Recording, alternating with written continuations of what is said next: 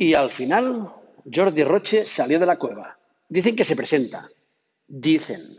Dicen que es el hombre de Sandor Rosell. Dicen. Un Sandor Rosell, por cierto, del que dicen que en verdad sigue gobernando el club desde la sombra.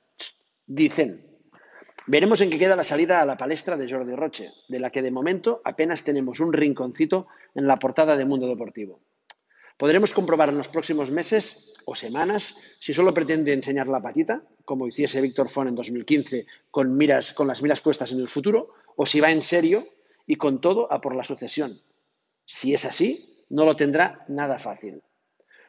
Si lo primero que habrá que ver es si se presenta, lo segundo será comprobar de parte de quién se presenta. O sea, habrá que ver qué continuismo es el suyo, si el de Bartumeu o el de Rosell.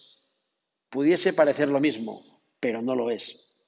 Si destronase a Rosaut como heredero de Bartu, se le clarificaría un poco, por no decir mucho, el panorama. Por una parte, no debería avalar, y eso no es poca cosa. Y por el otro, ser el continuista de Bartu significaría pista libre y al sheriff Santi de tu lado. Y eso es mucho. Eso sí, la cosa se complicaría si fuese el candidato de Sandro, pues no solo tendría que avalar, sino también debería repartirse el voto neonuñista con Emili Rosaud.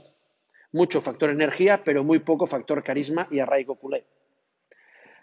Pero tanto el aval como la división del voto continuista son temas menores frente al gran marrón con el que se puede encontrar Jordi Roche. De hecho, con el marrón que podría, hasta quitarle de la cabeza, presentar candidatura. Los resultados del equipo. Si el Barça cierra el curso con otro ridículo en Champions, y esta vez sin alzar ni lica, ni copa, ni nada, a ver quién es el guapo que se presenta diciendo que viene de parte de los que hundieron al mejor equipo de siempre y amargaron al mejor futbolista de todos los tiempos.